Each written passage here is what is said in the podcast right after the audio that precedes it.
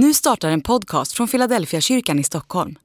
Om du vill komma i kontakt med oss, skriv gärna ett mejl till hejfiladelfiakyrkan.se.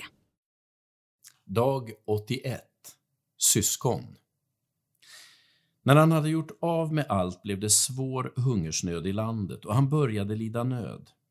Han gick och tog tjänst hos en välbärgad man i det landet och denne skickade ut honom på sina ägor för att vakta svin.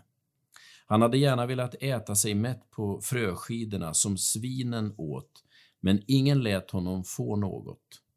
Då kom han till besinning och tänkte hur många daglönare hos min far har inte mat i överflöd och här svälter jag ihjäl. Jag ger mig av hem till min far och säger till honom Far, jag har syndat mot himlen och mot dig. Jag är inte längre värd att kallas din son. Låt mig få gå som en av dina daglönare. Lukas kapitel 15, vers 14 19. Om han bara haft brorsan så hade den förlorade sonen inte vänt tillbaka hem. Men han har minnet av sin pappa och det är när dessa minnen aktiveras som vändningen kommer i hans liv. Även om det var brorsan som han umgicks med mest så visste han djupt i sitt hjärta att den som ägde farmen och ytterst hade ansvar för allt, oavsett den äldre broderns kommentarer, det var pappan. Jag tror att det finns massor med människor i vårt land som liknar den förlorade sonen. Dels har de minnen av en små, snål storebror som mest gjorde livet surt. Dels har de minnen av en generös far.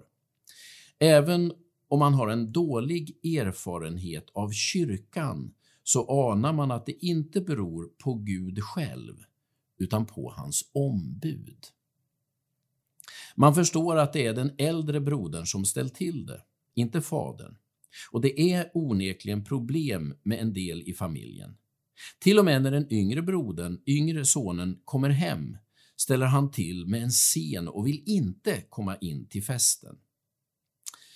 Jag gillar liknelsen om den förlorade sonen för den målar inte upp en orealistisk bild av fadershemmet eller av kyrkan om du så vill.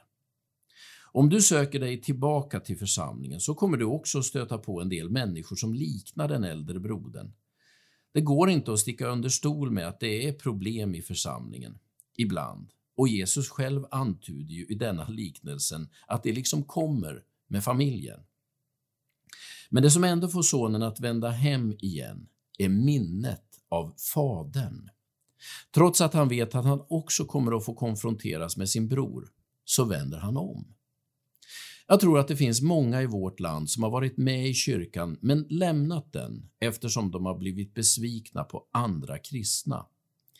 Det enda jag tror kan få människor att återvända till kyrkan igen är att de får uppleva Guds stora generositet.